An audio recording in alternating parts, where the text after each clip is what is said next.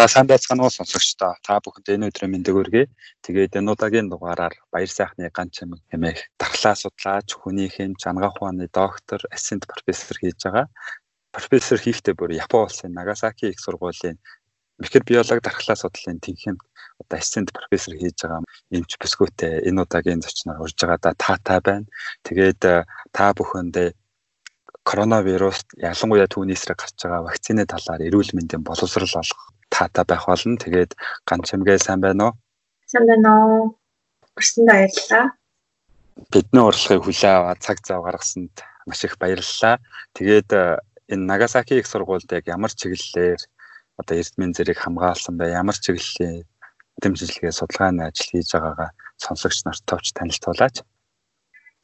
За манай энэ Нагасакигийн их сургууль болохоор э, Японд хамгийн том тооцогдох тропикийн халуун орны болон халтар төвчний институттэй. Тэгээд дийлэнх судалгаа нь болохоор ерөнхийдөө халуун орны өвчин болон халтар төвчин дээр суурилсан судалгаанууд бол хийгддэг. Би болохоор яг цэвэр цэвэр судалгаа хийдэг хүн. Цэвэр судалгаа хийдэг хүн болохоор амтан дээр хийдэг эсийн төвшин судалгаа гэсэн. Тэгээд миний докторийн ажлын судалгаа болохоор одоо умхаа өвчний үеийн халуун мөнхөө өвчний үеийн ТС-ийн гэлүүн дэх ТС-ийн хариу урвал гэсэн хэллэг байсан. А тэгээд бид болохоор судалгааны чиглэл маань болохоор төрөлхийн олмол дархлаа гэж байдаг шүү дээ. Тэр олмол дархлааны үйл ажиллагааг судалдаг гэж хэлж байна. Тэгэхээр яг олтмол дархлаа гэдэг нь маань гаднаас одоо вирус бактери хүний биед орж ирээд тэрний эсрэг маань дархлаа тогтолцоо танилцаад дахиж тэр вирус бактери орж ироход одоо өмнөхөөсөө илүү үр дүнтэй хурдан эрчимтэй дархлаа уруул өрнүүлдэг. А тэр чиглэлийн судалгаа бол одоо ингэж судалж байгаа юм байна гэж ойлгож болох уу? Тийм тийм. Тэр нөгөө олдмол дархлаа дархлаа судлал өөрөө их том учраас тэр олдмол дархлаа дотроо олон төрлийн ис дээрээс нь олон төрлийн биологи идэвхт уураг нийтлүүд агуулж идэг. Тэгээд тэр хоорондын уялдаа холбоо ерөнхийдөө судалдаг гэж хэлж байна. За тэгэхээр бидний одоо яг зориод байгаа эрүүл мэндийн боловсрал олгох чиглэл болох одоо коронавирусын эсрэг үүссэн дархлаа тогтсон дархлаа а түүний эсрэг вакцины талаар яг эрүүл мэндийн боловсрал олгоход яг тохиромжтой зочин байна. Хэдэн сарын өмнө нэг хэдэн сарч болоогүй хэдэн 7 хоног өмнө болохоор ингээд сонгодоо имлэг интермед имлэг дээр болохоор ингээд төрөвчлэн онцлуураар одоо эсрэг биеийг нь өтсөн чинь одоо эсрэг бие нэмэх буюу өөрөөр хэлбэл тэр хүн халдвар авч идэгсэн байна гэсэн хариу гарсан. Тэгэхээр энэ талаар нэг дэлгэрэнгүй сонсогчдод эрүүл мэндийн боловсрол олгож. За тэр эсрэг бие гэдэг юм нь болохоор гад хүний биед гадны өвчин үүсгэж ороод ирэх үед эсрэг бие гэдэг юм хамгаалах уурга үүсдэг гэж хэлж байна. Тэр хамгаалах уурга нь болохоор маш цөөн хэмжээтэй нь болохоор тэр хүний биед мөнхийн одоо санамж болоод санамжийн ураг болоод үлдчихдэг. Тэгээд тэрийг нь бид нар тэр хөрвчлэн тестээр шалгаад үзэхэд элержина гэдэг болохоор тэр хүн энэ ямар нэгэн яг яг тухайн өвчин үүсгэгчийн эсрэг халдвар бол авцсан юм байна. Гэхдээ одоо яг идэвхтэй байгаа юу үгүй юу гэдгийг бол илтгэхгүй. А гэхдээ зэ нэгэн цагт одоо энэ өвчнөр өвдсөн байх боломжтой маа гэдгийг тэр шинжилгээгээр бол харуулж байгаа. А яг сонгодоо эмнэлгийн хувьд одоо тэр тест нь зөв ажилласан уу? одоо юу ажилладаг л та cross reaction гэж солилцох уруул гэж болж идэг. Тэгэхээр яг нөгөө өвөөс бусаар таниад одоо зөндөө олон төрлийн өвчин үүсгэж байгаа шүү дээ. Тэгэхээр өвөрмөж бусаар хариу урвал үзүүлээд эерэг гарсан байх бол боломжтой. А тэгээд дараагаар болохоор яг үнээр тэр хүн халдвар авсан байна уу гэдэг болохоор нөө PCR шинжилгээ хийгээд тэр хүн халдваргүй байна. Энэ төвчсөн тестээр бас хуурамч эерэг гарсан байна гэж үзсэн байна тийм. Тэгэхээр энэ дээр болохоор нэг асуудал үүсэж байна л да. Одоо таны хэлдгээр бол хуурамч эерэг гэдэг нэг хариу гарч болно. Одоо үнэ нь эерэг буюу үнэхээр халдвараад идэгсэн байна гэсэн үерэг одоо хариу гарч болно. Энийг одоо яг дараачийн үед үнэхээр одоо коронавирусын халдвараад идэгсэн байна. Аль эсвэл хуурамч эерэг байна гэдгийг давхар юм одоо баталгаажуулаад илүү одоо оновчтой сайн магтлал үнэн тийм гаргаж болох шинжилгээний арга байдгүй. А бол төрөвчлэн тест гэдэг чинь болохоор ингээд үйлдвэрлэл үйлдвэрээс өгөгдсөн юм а нэг цусыг аваад нэг туслыг хийгээд ч юм уу тийм хэдэн минут хүлээж агаад нөгөө юм жирэмсний тест тест шиг шахав гэж бол баг энгийнээр хийх юм бол ойлгож болохоор аахгүй. Тэгэхээр яг тэр яг тэр төрөвчлэн жижиг тэр чип дээр явж байгаа урвалыг бид нар лабораторид тавиад яг одоо эсрэг биеийг нь титрлээд үзэж бас болсон. Тэр болсон ч гэдэг одоо тэр яг үнэхээр коронавирусын эсрэг үүссэн би яг үнэхээр байна уугүй юу гэдгийг болохоор ийм лабораториор титрлээд үзэх боломжтой юм байна тий. Тийм. Талаар сонсогчдод тодорхой хэмжээний ойлголт өгсөнд баярлалаа. Хоёрдугаар зүйл нь болохоор олон мэдээллийн их сурвалж нэлээ их сэтгүүл дээр болохоор вакцин бол үнэхээр шийдэл болтоогийн коронавирусын тэрнээс биш одоо ямар нэг байдлаар өөр одоо байдлаар урьдчилан сэргийлэх юм аль эсвэл бид нар хөл хороо маск зуух гар угаах гэх мэт урьдчилан сэргийлэх энгийн арга хэрэглээд байгаа боловч яг шинжилгээний хувьд урьдчилан сэргийлэх өөр үр дүнтэй арга байдаг юм болоо вакцинаас өөр одоогийн үр дүнгээс харахад гурван одоо төрлийн ирээдүг харж болно гэж үзэж байгаа. Нэгдүгээр нь болохоор магадгүй ингээд вакцин гараад дахиад ямар ч ковид болоод бүрэн хамгаалах гэж болно тийм. А хоёрдугаарх нь болохоор вакцин байгаад ч энэ ковид алга болохгүй вакцины үр дүнтэй хэмжээлгээ даад эргэж гарч ирээд одоо улирлын чанартай томоогийн сизон шиг нээл сизон шиг нээл хоёр дахь давлгааны болох юм ингээд ингээд гараад ирээд байж болох юм тий.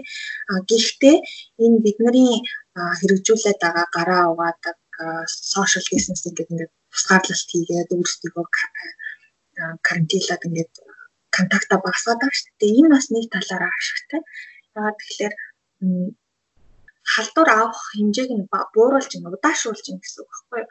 Жишээлх юм бол хоёр хүн халдвар авах байлаа гэж бодоход нэг нь гэртээ ижил нэг л хүн халдвар аван тэгээд тэр нэг авсан хүн цаашаагаа дахиад хоёр хүн талдарлах байсан нь дахиад тэр хоёр хүнийх нэг нь social distancing одоо өөрийгөө хязгаарлалцсан гараа ойр хуугадаг ч юм те эрүүл охин илэн барьдаг байлаа гэж бодоход дахиад тэр хүн халдвар авахгүй гэх мэтчлэнгээр буурч болж байгаа. Одоо тэрний одоо тод жишээ нь Япон Солонгост харагдчихээн. Айгүй өндөр хурдтайгаар халдвар нэгдэжсэн боловч дотооддоо өндөр карантиныг баримтласнаар халдварын тоо бол эрс багасчихсан байгаа. Тэгэхээр энэ болохоор бас нэг төрлийн вакцины гартал бид нар ингээд хяналтандаа байлгаж болох арга хэмжээ байхгүй зарим нэг Европын улсуудад сая нэг ковид гарснаас хойшоо болохоор сүргийн дархлаа гэдэг нэг тэр хиллгийг бол гаргаж ирээд байгаа. Энэ болохоор юу вэ гэхээр ихэнх хүн амыг хамарсан вакцинжуулалт нь болохоор сүргийн дархлаа гэдэг зүйл дээр бол үндэслэж явагдчихэдэг. Энэ нь ерөнхийдөө юу гэсэн үг вэ гэхээр нийт хүн амын ойролцоогоор нэг 70-аас 80% таг хувийг нь вакцинжуулсан тохиолдолд тэр хүмүүсээрээ дамжуулаад халдвар төвчөнд барьж идэг тогтолцоо байхгүй. Тэгэхээр одоо бидний мэдж байгаа вакцинжуулалт байна. Одоо төрсний дараа хийгддэг сахуу татран бүгдэд хийгдэж байгаа вакцин жишээлх юм бол 80% вакцинжуулалтыг хамрагдсан байлаа гэж бодоход 5 хүн тутмын 4 нь тахлаатай. Тэгэхээр 5 хүнийх нь 4 нь тэгэхээр айгүй барьж үзэж байгаа. А энэ ковидын үед болохоор зүргийн дархлааг хэрвээ бид нар хэрэгжүүлээд хэрэгжүүллээ гэж бодоход энэ вакцин гарахаас өмнөх тохиолдолд авч үзэх юм бол муугаар хамгийн муугаар бодоход дэлхийн сарын дотор вирус болохоор бид дэлхийн хүн амын талаас илүү хувийг нь хамраад тэгээд энэ нь болохоор эмнэлэгт эмнэлэг эмнэлгийн ажилд маш их хүндрэл учруулна. Дээрээс нь нас баралт бас тийм баг хувьтай биш хоёр хувьтай нас барж байгаа. Тэгээд энэ нас барж байгаа хүмүүсийн дийлэнх нь болохоор нөгөө хүн амгийн эмзэг буюу өндөр настай өвчлөлийн үед эрсдэлтэй бүлэг бол өндөр настай архаг гуйж өвчтэй хүмүүс байгаа. Тэгэхээр энэ бол тохиромжгүй маа гэж байна. Хоёрдугаарт нь болохоор хэрвээ одоо сайнаар бодох юм бол хэрвээ бид нар яг одоогийн авч байгаа халдварын эсрэг авч байгаа арга хэмжээгээ энэ чигт нь барьж чадах юм бол одоо хөл хорой, маск зүүх, хувийн хамгаалах хэрэгсэл, дээли масктэй тэрийгэ барьж чадах юм бол яг одоо энэ хэмжээнд халдвар буурч байгаатай адилхан бид нар энэ төвшинг багаар баг багаар гэхдээ урттайгаар биш маш бага багаар бариад вакцин болон яг үр дүнтэй эмчилгээ им батлагдтал бид нар ингээд маш багаар өчнөө халдварыг бол бариад байдаг болно. Гурав дахь одоо бодож байгаа юм нь юу вэ гэхлээр магадгүй а одоо бид одоо ингээд дэлхийн дэлхийд даяар энэ халдварын тоо олоод буураад байгаа тийм ингээ халдвар буураад ирэхтэй зэрэгцээд хүмүүс нөгөө одоогийн барьж байгаа халдвар хамгааллын байдлаа солруулж эхлэн тийм маска зүүхэ болно гараа угаахаа болно ойр одоо хоорондоо уулзаж контакт нь ихсэн тийм яг энэ үед вэ гэхээр буцаад нөгөө халдварыг чинь дахиад ихсээд ирнэ. Тэгэнгүүт л дахиад а одоо улс орноос нь арга хэмжээ аваад за одоо бид нар дахиад халдварын эсрэг арга хэмжээ авах хэрэгтэй байна. Гэх мэтчлэн нэг юм өксөж уруудсан хэлбэртэйгээр яваад авах боломжтой. Тэгээд энэ тохиолдолд болохоор ингэж өксөж уруудсан тохиолдолд явахлаар жил хагасын дараа гэхэд магадгүй хэрэг бид азтай байж харуулах үр дүнтэй вакцины имчилгээ гарч ирэх ийм боломжтой. Тэгэхээр яг энэ өвчний үед болохоор энэ сүргийн дархлаа гэдгийг вакцингүй үр дүнтэй баталгаатай им гараагүй байгаа үед бол үр дүнгүй учраас хүн болгон яг одоо барьж байгаа халтар хамгааллынхаа дэглэмийг баримтлаад явах юм бол хамгийн одоо үр дүнтэй гэж хэлж байна. Тэгэхээр ер нь бол вакцин гарахаас өмнө бол одоо гурван одоо зүйл бол тохиолдож болно. Тэр тэрнээс одоо хамаарахгүйгээр гараа угаах, маск зүүх, хөл хоройг бол чанд баримтлах хэрэгтэй шүү гэж сонсогчдоо дахин хэлмээр байна. Тэгээд ганчамаг доктор а яагаад вэ гэхээр одоо өвлийн уйлралт юм уу хаврын уйлралт юм уу одоо хүний дархлаа сулрах юм уу ингээд өндөخлийн замын салтад очиж байгаа ингээд дархлаа тогтолцоо баг зэрэг сулрах одоо гадны вирус бактерийн халдварт өртөмтгий болох магадлал нэгсдэг. Гэтэл энэ одоо коронавирус болохоор ингээд 100 ингээ одоо баг халдварлаад халдвар тараагаад байна. Тэгэхээр энэ вирусыг бодвол илүү тийм халууныг төсвөрлөдөг юм уу аль эсвэл ямар одоо онцлогтой болоод ингээд халуун зун ингээ халдварлаад одоо амьсгалын замын эмгэг үүсгээд байна. Одоо энийг юу гэж тайлбарлах юм бол яг одоо дулаан болохоор энэ халдвар ихснэ гэж бол бас үзэж болохгүй. Ягаад тэгэхээр яг одоо бид нар өвөл олж байхад дэлхийн энэ чинь 190 гаруй оронд халдвар тархацсан байгаа. Тэгээд тэр 190 гаруй орон дотор чинь нөгөө бид нарын мэддэг халуун орон хүртэл байгаа байхгүй юу? Тэгэхээр өвөл болж байхад чинь халдвар байсан уу байсан 100 бол 100-ны тэр 30 40 хэдэн градус 30 хэдэн градустай чийгшил 70-аас дээш хүртэл байдаг тропикийн оронд ч байсан байхгүй юу. Тэгэхээр яг 100 болохоор одоо халдвар ихснэ гэж бол бодохгүй байгаа би. Аа. Одоо бусад одоо сэтгүүл юм уу шинжлэх ухааны одоо пепер дээр юу гэж бичсэн байт юм бол энэ талаар нь мэдээлэл байгаа юу? Яагаад гэвэл одоо монгол хүн бол хавар өвөл одоо ингээд хатгалгаа юм уу ханиад хүрдэг. 100 нь бол нэг хүрдгүү гэдэг одоо зүйл ингээд тогтцсон байдаг. Тэрнээсээ улбалаад энэ хөл хорой маск зөө одоо гараа угаах зүйлийг сайн баримтлахгүй энэ халдваруудаа ороод ирлээ гэхэд тархах магадлал нь жаахан ихсэх юм болов гэж би санаа зовоод байна л та. А яг улирлын чанартай өвчнүүдээ шүү дээ одоо жишээлбэл том уу байна. Тэгэхээр ягаад өвөл болохоор ихчтэй гэхээр нэгдүгээр нөгөө агаарын чигшил унж байгаа. Тэгээд агаарын чигшил унаад ирэхээр вирус орчинд тогтох байдал таатай нөхцөл үүснэ. Дээрээс нь гадаа цаг агаар хүүтэн учраас нөгөө орчны агаарж бол аюухаар буурдаг байхгүй хүмүүс ихэвчлэн нэг газараа бөөгнөсөн байдалтай байж идэг. Тэгэхээр агаарын солилцоо бага явагдаж байгаа учраас тэр хүмүүс халдвар авах одоо магадлал нь өндөрсөж байгаа гэсэн. А тэгэхээр яг хав Монгол хүний хувьд болохоор бид нар айгүй хүүтэн өвлийг даваад хасах 20 эдэн градусаас хавар болоод ирэхээр дулаан ороод ирэхээр температур айгүй өндөр зөрөө гарч байгаа шүү дээ. Тэгэхээр тэр хооронд хүнд ядрах сулдах шинж тэмдэг бодлол илэрдэг тэглээгээ таглаа тогтолцоо унж байгаа гэж болгож ойлгож байна тийм. Сошиал ч юм уу телевизрээ рекламаар дархлаагаа сайжруулах гэж яриад байгаа юм хүмүүсийн ингээд дархлаа унтсан байд юм уу эсвэл хэвэн байж байгаа сайжруулах гэдэг юм уу яг уулан бол миний бодлоор бол те ингээд хүний дархлаа уулаасаа ингээд идэвхтэй байдаг одоо дархлаа сайжруулах бэлтгэмэр хэрэгэлсэнтэй холбоотойгоор нэг тийм сайжраа тэмцэх чадвар нь сайжран гэж миний бодлоор бол бодохгүй байна. Тэгээ хоёрдугаарт нь болохоор ингээд одоо нойргоо хонж болохгүй, аль эсвэл ингээд хоолоо юуж болохгүй, гуравдугаарт нь ингээд ядарч болохгүй гэдэг. Зүгээр би ойлгохдоо бол ингээд тодорхой зүйлд ингээд сулраад хөн ингээд дархлаа тогтолцоо маань халдварт өртөөд эсвэл ингээд унаад сайжраад ингээд хэлбэлцээж энэ дархлаа маань ингээд хэвийн гомстазаар хадгалах юм болов энэ талаар нэг сонсогчдод зөв ойлголттой өгөөч. Тэгэхгүй бол одоо ингээд л бараг л хавар зөнгөө витамин уух янз бүрийн дархлаа сайжруулах одоо төрөлхтний бэлтгэл хэрэглэх одоо баг зэрэг ядрах нөргөө хонох гэх мэт зүйл ерөөсөө хийхгүй юм аа ингээд жаахан нэг тийш ингэж хэлбэж ойлгоод байгаа юм болов гэж би бодоод байгаа. Энэ талаар бас өөрийнхөө ойлголтоо сонсогчдод хуваалцаач.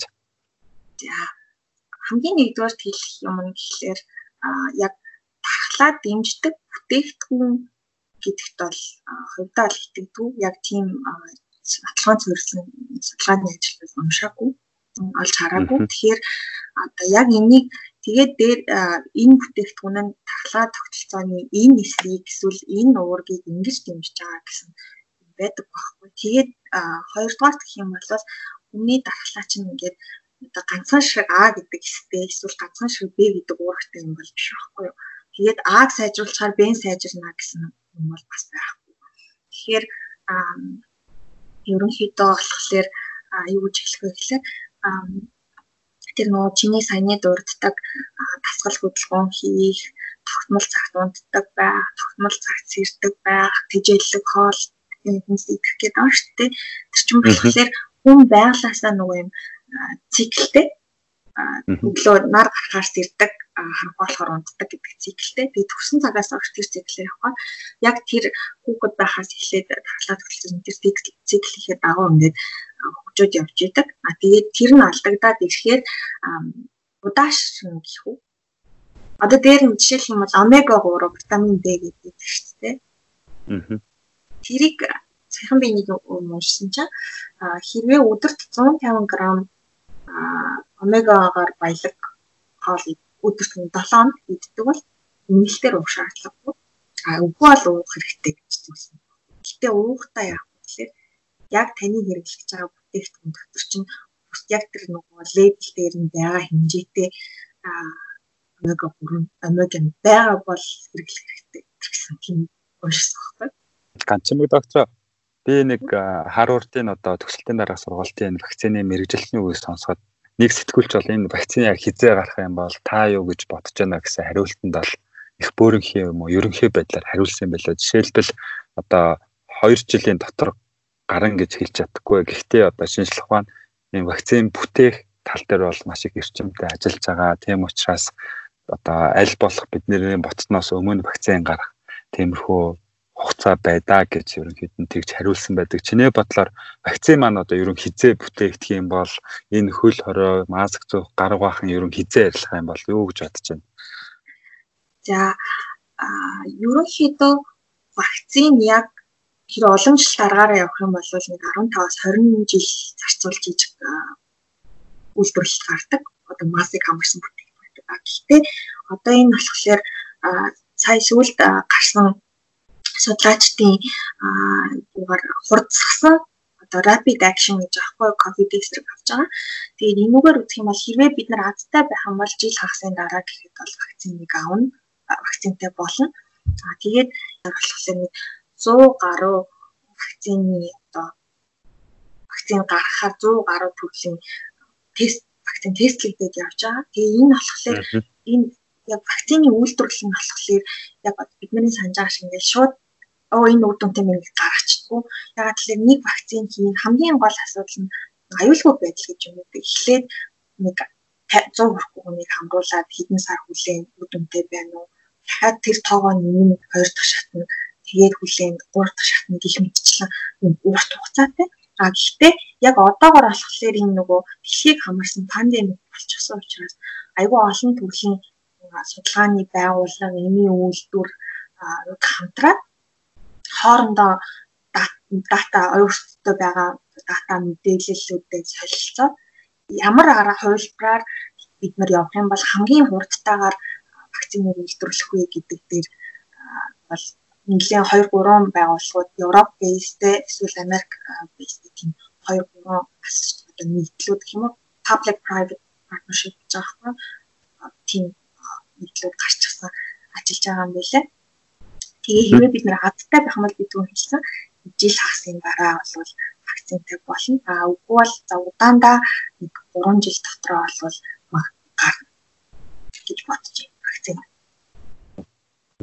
Харин вакцин бүтээх технологи бол маш их удаан, маш их хугацаа, хүч хөдөлмөр шаарддаг, маш их төсөв санхүү шаарддаг. Тэгээд бас маш их юм хяналтын шалгалт одоо маш их хяналт ийм байгууллагын зөвшөөрлийг авдаг гэдэг маш их өсөр том ажил юм байлээ. Тэгээд э, сонсогчдод болохоор ингээд их амархан гэж бодогдож байгаа боловч их маш их урт хугацаа шүү гэж одоо энэ ганц чимэг доктор өгөн дээр нэмж хэлмээр байна. Вакцин гэлтгүй эмийн одоо хөгжүүлэлтэй шүү. Энд чинь айгүйх мөнгө шаарддаг. А тэгээд ерөнхийдөө халдвар төвчнүүд яадаг вэ гэхээр ингээд э, халдвар төвшинэ шинэ халдвар төвчин гарлаа нэг хэдэн сарын дараа оргил хэсэгтээ хүрлээ тэгээ халдвар өөр өмнө халдвар халдварын тооц өөр нь одоо яг бидний энэ ковид дээр тулгарч байгаа шиг тулгарч байгаа шиг 3 4 сард маш өндөр хурдтайгаар сарж байгаа одоо ингээд буурч байгаа. А тэгмүүд яг ийд ингээд халдвар ихсэх үед судалгааны ажлууд маш эртэнтэйгээр ингээд санхүүжүүлэгдээд хурдтай явж байгаа. Аажмаар ингээд буураад ирэх үеэр нөгөө санхүүжилт чинь бас дахиад татарчдаг байхгүй юу? Тэгээ яг ингээд нөгөө үйлдвэрлэлийн шат руу ороод ирэх төхөд ирэхээр санхүүжилт болчвол тэгээд зогсдог. Жишээлбэл SARS-ын SARS ч нөөрэ 2002 онд гарсан хүчин байлаа гэдэг одоо л вакцины үйлдвэрлэлд орох байгаа. Тий, тэгээд одоо SARS ингээд намжаад алга болсон болохоор тэрийг нээсрэг вакцин бүтээх технологи үеэр төсөл нь ерөнхийдөө саарамжаад удаашаад баг зогсох шатанд орчтой юм байна тий. Тийм. А тэгээд яг уу нэг азтай юм нь гэхлээр энэ ковид чинь өмнөх SARS-ын вирустэй одоо нэг бүлгэнтэй тэгээд ойролцоогоор 80 орчим хувийн бүтцийн адилхан байгаа учраас өмнөх туршлага дээрээ тулгуурлаад бид нар хурдтайгаар вакцины үзүүлэх боломж байгаа учраас одоо нэг магадгүй 1.5 жил одоо жил хагасын дараа вакцинтай болно. За удаанаар бодох 3 жил дотор магадгүй гэж ярьж байгаа нь бас энэтэй холбоотой. Тэгэхээр би бас ингээд сонирхол уншиж байхад энэ коронавирус болохоор нөгөө удын мэдээллийг агуулдаг тэр одоо ДНХ, РНХ утаслаг маань ИРНХ утаслаг байдаг. Тийм болохоор одоо мутацид амархан өртөх илүү юм тогтворгүй байдаг. Тэгэхээр одоо өмнөх хэлбэрийн тэр мутацид өртөөгөө хэлбэрээр хүн өвчлөхөд юм уу тэр төрлийн вакцин хийлгэсний дараа мутацид мутацид орсон тэр одоо коронавирусын нэг төрлөөр өвдөхөд одоо баг шин халдвартаа учирж байгаа юм шиг иймэрхүү дүрг зураг ажиглагддаг. Тийм болохоор бас одоо ингээд вакцинд бас итгэх нь бас хэцүү. Ер нь юм жаахан цаашдын төлөвийг жаахан тиймэрхүү онцгой байдлаар эрдэмтэд нэг эрдэмтдийн пепер дээр зурагласан байлаа. Энэ талаар жаахан дэлгэрүүлээд ярих боломж. Тийм. Тэр бол бас нэг яригцсан асуудал. Магадгүй бид нар вакцинжуулаад хэрвээ вакцин маань үр дүнг байгаа юм уу эсвэл мутацид орох юм бол тэрнээс эсрэг үр дүн гарч болно гэж одоо муу илүү муу үр дагавар юм уу те. А гэхдээ яг одоо хүртэлх байдлыг харахад чи 12 сараас хойш гараад бид нар аягүй баг хагас жил болчихлоо те. Мутацид ороод тэгж өөрчлөгдөх хурд нь харьцангуйгаар бага байгаа учраас одоо тэр зураглал одоо тэр бол хамгийн муу химик сценаар явахгүй. Тэгэхээр яг хав учиргүй мутацид орох уу эсвэл орох магадлал нь харьцангуйгаар бага болов гэдэг тийм юм бас би олцсонсон. Тэр болохоор одоо хүртэлх байгаа үр дүн дээр харахаар мутацид орох магадлал ерөнхийдөө бага. Би яг пейпер уншаагүй. Статистик юугаар харахаар одоо халдварлаж байгаа халдвар тархаж байгаа хуурд тэгээд дээрэс нь нөгөө чинь энэ тийм зөндөө олон газруудад яг өвчнөөс isolated ялгаж аваад хэм ялгаж аваад чинь ингээд лого секвенслүүлж байгаа тийм тэгэхээр тэр нь ойролцоо байгаа болохоор тэр бүр муугаар бодох гэж болох юм гэсэн. Мм.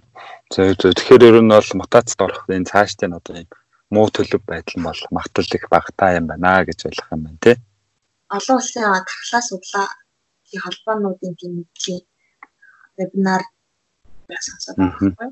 Хэрэн дээр тийм ярьж байсан. чамаа гэсэн. Тэр одоо жишээлбэл нэг юм нийгэмд бас нэг юм хөө яриа гараад байна. Өөрөөр хэлбэл ингээ төрөвчлөлтөн тестээр ингээ халдвар автсан байна. Аль эсвэл одоо ингээд халдвар судлалын үндэсний төвд ингээд халдвар аваад идэгцэн. Тэгээд энэ маань ингээд халдварыг ингээд нууц байдлаар тээгээд эсвэл ингээд харахаг шиг тиймэрхүү юм ер нь хэр зэрэг одоо шинжлэх ухааны сэтгүүлч юм эрдэмтдийн ярианд хэр зэрэг одоо тэмдэглэсэн бол энэ талаар хуваалцааж. За эхний болохоор дахин халдвар эдгээд гарсан дахин халдвар гэж байгаа тийм. Яг одоогор бол тоо баримттай судалгаа бол гараагүй байгаа. Гэхдээ эмнэлгээс гарч байгаа Монголд яг эрүүл мэндийн амнаас өгж байгаа мэдээлэлээр бол ямар хүний бүрэн эдгэрлээ гэж үзэж байгаа гэхэлэр тавтан 1 2-оос 3 удаагийн шинжилгээ хийгдсэн. Гэхдээ тэр шинжилгээ нь болохоор зөвхөн ганцхан дээжнээс биш. Одоо цуснаас, хоолойны арчтснаас, шивээс нь олон биологийн шингэнээс дээж аваад тэрэндээ шинжилээд вирус илрээгүй бол а энэ хүн бүрэн эдгэрлээ гэж үзэж байгаа болохоор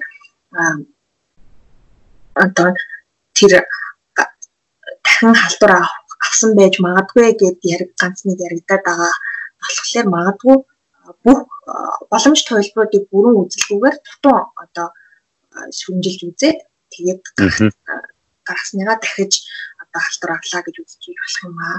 А хоёрдугаар гэх юм бол нөгөө архаг халтур байж болох уу гэж гэдэг дээр бол үгүй болов гэж бодож байна. Яг одоогор бол архаг халтурын талаар ярихад бол эрт дөнгөж халтур 6 сар авахлаа гэхдээ эмнэлгээс гарч байгаа хүн болохоор ердөө бүх шинжилгээндээ вирус байхгүй гэж гарч байгаа учраас вирус free учраас магадгүй энэ ковидын халдвар архагаар үүсгүй гэж бодож байна.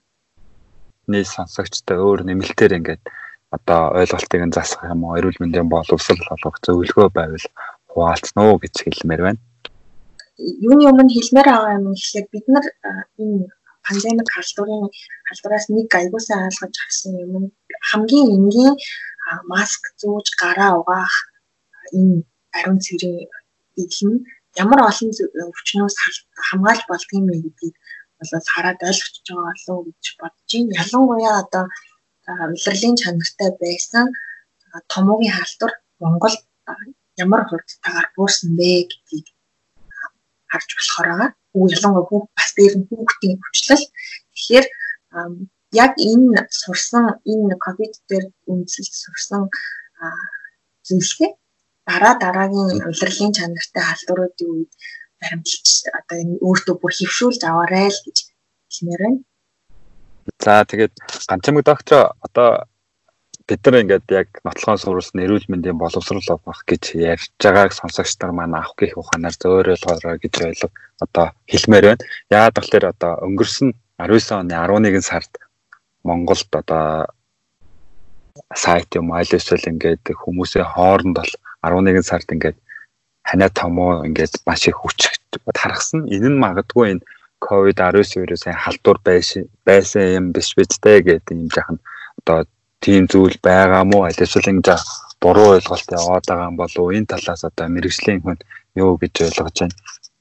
Энийг болохоор 11 сард тэр үйл эхлэх үед гарсан халдварыг бол томоогийн удирлын дэгдэлт гэж харж байгаа. Ягаад гэхээр зөвхөн Монгол биш ялгаагүй бусад орнуудад яг тухайн цаг үед болохоор томоогийн халдвар маш өндөр хүчтэй явагдчихсан. Хэрвээ дата зөвхөн харах юм бол яг 19 оны флүүгийн томоогийн дэгдэлтээр Америк жишээлх юм бол 80 мянга орчим хүн 80 мянга орчим нас бүрэлдэхүүн багц шийдтэй байгаа. Тэгэхээр энэ бол энэ болохоор нэгдүгээр үүсгэж байгаа энэ бол ковид биш юм а гэсэн юм. Хоёрдугаарт нь тэгэхээр яг судалгаагаар хийх одоо олон улсад батлагдсан анхны өгүүлэлээр болохоор анхны халдвар 12 сард гарсан. Гэтэл би Монгол гарсан дэгдэлт болохоор 11 сард томоогийн дэгдэлтүүд 11 сард тэгэхээр цаг хугацааны хувьд бас таарах байгаа.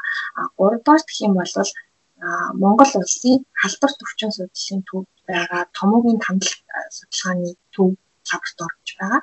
Энэ лаборатори болохоор томоогийн улирал томоогийн халдварын дэгдэлтийн үед тоmoo шинжлэгдээд эерэг гарсан хүмүүсээс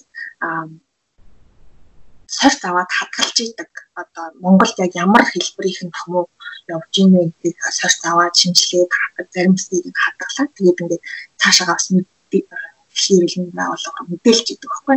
Тэгээд яг эрүүл мэндийн яам дээр манаас өгж байгаа мэдээлэл дээр бас үлдээд байгаа. Хангалтын журмаар ковидын хаалдварын шинжилгээ PCR шинжилгээ хийхдээ тэр өмнө авсан байсан бэлтгэлтийн үеийн сорцсондоо давхар а ковид магадгүй байна уу шинжилгээд тэр өмнө 11 сарын үед эддээс хаалтуруудын үед сорц бүгдэнд нь ковидын вирус байхгүй гэж хариу гарч байгаа. Тэгэхээр энэ бол зүгээр улирлын чанартай томог байсан байна гэж үзэх гурав дахь шалтгаан гэж байна. Одоо миний одоо энэ хүн миний бийж гэсэн бас ингээд тантай санал нэг байна. Тэгэхээр 11 сард ингээд ихээхэн хэмжээний томоогийн дэгдэл болсон. Тэр нь магадгүй COVID-19 вирусийн халдвар байж магадгүй гэдэг зүйл дээр бол би яг тантай адилхан одоо үгүйсгэх чанартай байдаг. Тэгэхээр одоо залуус ялангуяа сонсогчд маань энэ зүйл дээр ингээд одоо нотлохоон суурилсан байдлаар мэдээлэл өгөхөд бол ийм байгаа шүү. Энийг ингээд айгүй зөвөр ойлгороо гэдгийг одоо уламжилж хэлмээр байна. За ганчмаг доктороо ингээд хүнд хүнд асуулт асууж байгаа дуучлаараа. Тэгээд бас нэг нэмж зүйл одоо тодруулахад одоо нэг судлаач нь одоо пейпер юм уу нэг юм зүйл дээр мэдээллийг сурвалж сайтай зүйлээс уншихад BCG вакцин буюу ингээд сүрэг сүрьягийн эсрэг вакциныг ингээд хийлгэсэн улс орнуудад COVID-19 вирусын тархалт дэгдэлт бас баралт нь бол ингээд баг бүртгэгдсэн байна гэдэг юм статистик боловсруулад энэ талын нэг юм судалгаа бичсэн байсан. Энэ талаар одоо юу гэж бодож байна? За энэ сүрьягийн вакцин нь болохоор зөвхөн ковид-19 биш өмнө нь 2017 18 онд болохоор Индонез, Япон хийсэн судалгаанууд бол хэвлэгдсэн. Тэгээ энэ нөгөө болохоор амьсгалын замын хаалдварыг 70-аас 80%-аар бууруулж байна гэсэн судалгаа олборлогдсон байсан. Тэгээд энэ дээрээс үндэслээд магадгүй ковидын үед бас сонирхолтой ажилд гарсан байна. Тэгээд миний хувьд болохоор хамгийн сонирхол татсан жишээ юу вэ гэхээр Герман улсын жишээ байсан. Энэ болохоор Герман та бүхэн мэдж байгаа бол баруун зүүн гэдэг хоёр Герман байж байгаад нэгцэн шүү дээ. Зүүн Герман нь болохоор социалист Герман байж байгаад баруун Герман нь болохоор дарчилсан. Тэгээд ийм социалист Герман нь 1996 оны дуустал бүх хүн амыг БЦЖ-ийн вакцин бол хамгаалдаг гэсэн. Тэгээд Монгол хүүхэд зүрөд 24 цагийн дотор БЦЖ-ийн вакцин хийлгэдэг адилхан. А гэтэл баруун Германд нь болохоор 1955 оноос эхлээд вакцинжуулалт хийгдэж байгаа. 75-аас 77 онд болохоор юм сайн дурын болгоцсон. Заавал хүн болгон хийх албагүй. Тэгээд 1996 оноос болохоор энэ бүх нийтийг хамарсан вакцинжуулалтыг бүр зогсооч гсэн байхгүй. Тэгээ яг одоо энэ ковидын зураглалыг Германд харахад өвчлөл нас оролтынхаа тоогоор нөгөө вакцинжуулалт 96 он хүртэл тасралтгүй вакцинжуулалт хийгдчихсэн зүүн Германд нь өвчлөл нас оролт харцангуугаар бага байгаа. Тэгэхээр магадгүй энэ BCG-ийн вакцин нь хүний тархлаад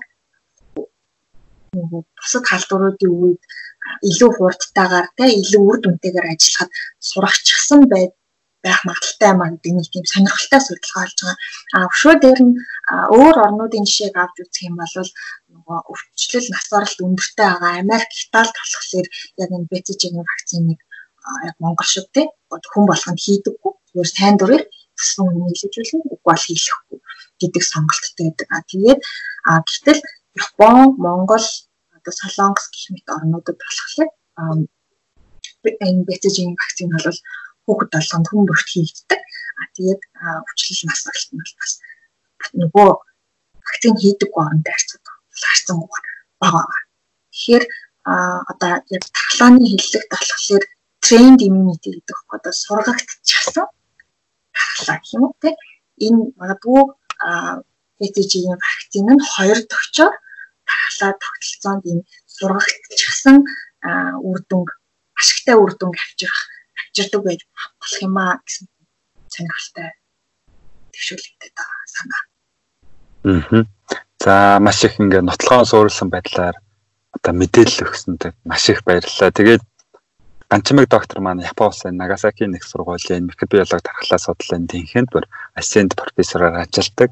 Ялангуяа халуун ухаан өвчнөөн ТС-ийн үйл ажиллагаа интерлейк 27-гийн дархлаа зохицуулга гэдэг одоо судалгаагаар эрдмийн зэрэг хамгаалаад энэ чиглэлийн судалгаа бол маш хийж байгаа эрдэмтэн хүн байна. Энэ их мундаг сургуульд суралцж байгаа энэ их зүйл сурсан зүйлээ одоо хизээ Монгол оронд ирж энэ зүйлээ ингэж хийх боломжтой вэ? Одоо Монголд ирвэл хамгийн түрүүнд одоо юу хийвэл одоо дээрвэ гэж одоо бодож байна. Яг бол хизээ буцаж чаалал одоогоо хэлж мэдэхгүй байгаа. Аа тэгээд хийх юмсан гэж бодож байгаа юм гээл Монголд очихоос өмнө энд байгаагаа байгаа одоо боломжоо ашиглаад юм уу хамтарсан судалгаа хамтарсан ажлын ажил хийж эхлүүлэх юмсан гэдэг бодол байгаа.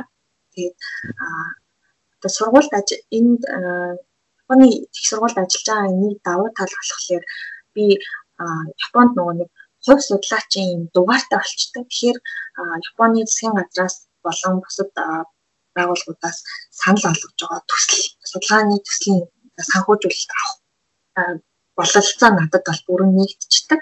Тэгэхээр тэрийг ашиглаад тийм хамтарсан судалгаа хийх боломж болцоо байдаг бол тэр тал дээр илүү ажиллах юмсан цагтаа гэж бодож байгаа. Тэрийг л хамгийн түрүүнд тиймэр байгаа. Аа. За энэ зүйл маань бүтэх байх яадаг лэр Монголд маш их залуу сурах ирэмжлэлтэй маш их зүйлээ одоо гадагшаа ууж мэрэгжилтэд ишлүүлэх сонирхолтой ийм залуус маш их байгаа. Тэгэхээр а энэ ажил маань бас сэтгэлчлэн бүтээсэ гэмээн одоо миний зүгээс хэлмээр байна. Тэгээд бас нэг одоо энэ сонсогч нар маань ингээд залуу хүмүүс учраас яг ангаахыг хүнийхээ мэрэгчлэр төгсөөд яаж явж байгаад энэ сургуульд ассент профессор болтлоо явчих уу яг энэ одоо арга замаа ингээд яг нэг бүрчлэн ингээд сонсогчдод тайлбарлаж туслаач яагаад гэвэл одоо гадагш сурах юмсан мэрэгжил дэвшлүүлэх юмсан одоо тэр өндөр хөгжилтэй орнуудад суралцаад Монгол орондоо ирж энэ чиглэлийг өөрчлөх юмсан гэсэн хүсэл мөрөөдөлтөй залуус бас тийм болох үүднээс энэ арга замаа дэлгэрэнгүй ингэж хуваалцаж толно хэмээн гомоор байна. Тэгээ би их сургууль төгсчөөд магистр тахлааны техник магистр магистрант байсан. Тэгээд яг тэр үед болохоор яг магистр хийхээ өмнө би нэг 3 сарын тэтгэлэг аваад Японд суралцах боломж олсон байхгүй. Тэгээд яг тэр 3 сарын хугацаанд болохоор за ер нь Япон бол эрт сурч болох нэг одоо орн юм байна гэдэг нэг технологи судалгааныхын төвшинг ер нь харчаад дотроо бодоод явж исэн. Тэгээ яг магистрт сурж байхдаа болохоор нөгөө ангийнхантайгаа юм яриад ер нь Япон болол нэг явж болохоор газар юм шиг санагдаж байгаа. Одоо боломж хайж байгаа гэж ярьж таарч ирсэн.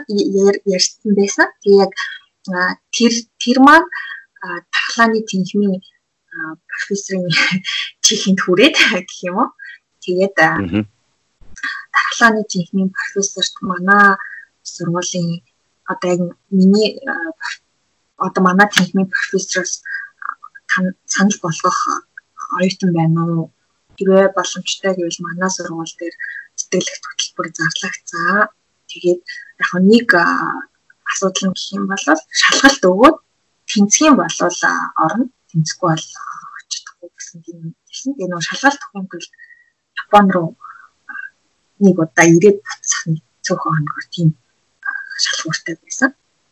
Тэгээд яг одоо миний нөгөө хэлэхэд болохоор Монгол дахь тавлааны тэмцээний профессор эхний сонголт нь бол би байгаагүй л дээ. Тэгээд нөгөө эхний сонголтын оюутан намайг Япон явах сонирхолтойг мэдчихсэн учраас а та магадгүй ганчмгээс асуугаад үзвэл ганчмэг шалгалт өгөхийг сонирхож магадгүй гэж намайг санал болгосон болохоор тэгээд надаас асуухт нь би за тийя шалгалтын нөгөө үзье одоо дараа нь харамсахгүй тулд шалгалт өгөөд үзьегээд тэгээд Японд ирээд шалгалт өгөөд тэгээд шалгалтандаа тэнцсэн. Тэгээд бас нэг юм жоох дутуу ойлгосон байсан юм нь шалгалт өгөөд л шууд мэдээлэл аваад хичээлдээ орчлоо гэж бод гэж бодоод ирсэн чинь яг үнэндээ болохоор зүгээр их сургууль доктор суралцах шалгалтад авчихсан. Тэтгэлгийн шалгалт бол болоогүйсэн байлээ. Тэгээд ирсэн хойноо тэтгэлгийн шалгалт өгөөд тэгээд ярилцлаганд ороод тэгзээд тэгээд суралцсан байна. Тэгээд тэндээ ингээд докторийн зэрэг хамгаалаад тэгээд ассистент профессораар бүр ажиллаж байгаа юм байна тий. Тэр талаас аа за тэгээд би тийхмээ солиогүй доктор хамгаалсан хинхэмдээ төгсөөд би 17 онд хамгаалаад 17 оны 3 цаг хамгаалаад тэгээд тэнхимдээ төгсөлтийн пост доктор хийгээд судлаач хийгээд жил хагас хийж байгаа 2019 оноос ассистент профессор болсон. Тэгээд бас учиргүй мундагтаа болчлоо гэж бас нэг боддгүй. Зөв цагтаа зөв газараа байж таарсан болов гэж бодоод байдаг. Ер нь аль дарах ирж байна нэг судалгаа хийж хавцтай ч тэр. Тэгээд а доктор хамгаалах үед бол яг хамгаалж хамгаалах үед болохоор манай цэнхэм Европын холбооны 2 3 байгууллагатай Европын вакцин инишиатив гэж байгууллагатай тэр байгууллагатай хамтарсан 450 мянган 400 бараг хагас сая еврогийн тийм төслийн мөнгө авчихсан тийм вакцины төсөл байсан. Тэгээ яг тэр төсөл дээр намайг ажиллах уу гэдэг санал тавиад тэгээд тэр саналыг аваад докторийн дараа судлаач хийсэн. Тэгээд яг тэр судалгааг хийж байгаа хавцтай магадгүй нөгөө профессорт маань ажиллаж байгаа байдал авсан датанда хийж байгаа үнэлгээд үнэлгээ таалагдсан болохоор ассистент профессор болох уу гэдэг саналыг тавьсан баг гэж бодож байна. За юу ч гэсэн чи одоо маш их одоо зүйл ярилцаад сонсогчдод маш их үнэтэй зөвлөгөө өгсөнд маш их баярлалаа. Тэгээд миний би нэмж хэлэхэд бол ганчмаг доктор манад ингээ бүр оюутан цагаасаа микробиолог дархлаа судлаач оюутны колорт одоо тэр чиглэлийн судалгаа эрдэмтгэлгээний ажил гэж тэр чиглэлийн зүйлийг арай илүү төлхөж уншиж судалсны үр дүнд өөрөөр хэлбэл аз маань ингээд шууд бэлнэрдэггүй маш их зүйлийг хүсэж мөрөөдөд маш их зүйл тэмүүлээд цаг хугацаа өнгөрснөө дараа ингээд магадгүй бас эзэн хичээвэл заяа хичээн гэдэгчлэн зүйл болсон байхаа гэж би бас их баярлаж авдаг. Тэгээд цаашд нь ажилт нь бол ингээм амжилт хүсье. Тэгээд дараагийн дугаараар одоо ямар одоо гадаадад эрдмийн зэрэг хамгаалсан ажиллаж байгаа одоо судлаач эмчнэрийг одоо ингэж юм подкастаар зочноор урвал боломжтой вэ хэмээн санал болгох. За яг миний чиглэлээр гэх юм бол дархлаа судлалын чиглэлээр Германд байгаа Ним баяр гэж судлаач байгаа. За баяр ах бол 10 15 орчим жилийн туршлагатай судлаачтай нэг. Тэгэхээр тэр хүнтэй ярилцах надад бол маш их мэдээлэл авах болов гэж бодож байна. Бас нэг санал болгох өмнө миний дотоод шүүрлийн чиглэлийн судлаач байгаа. Канадын Торонтод судалгаа хийж байгаа Батцэг гэж доктор байгаа. Тэр хийж болохоор яг чихрийн шийдвэрийн өвчний талаар, дотоод шүүрлийн үүдийн талаар маш хэрэгцээтэй зөвлөгөө болов гэж бодож байна. За ингээд бидний урилгыг хүлээж авсан ганчмаг доктортаа маш их баярлалаа. Цаашдын ажил амьдралд нь өндөр амжилтыг хүсье. За баярлалаа.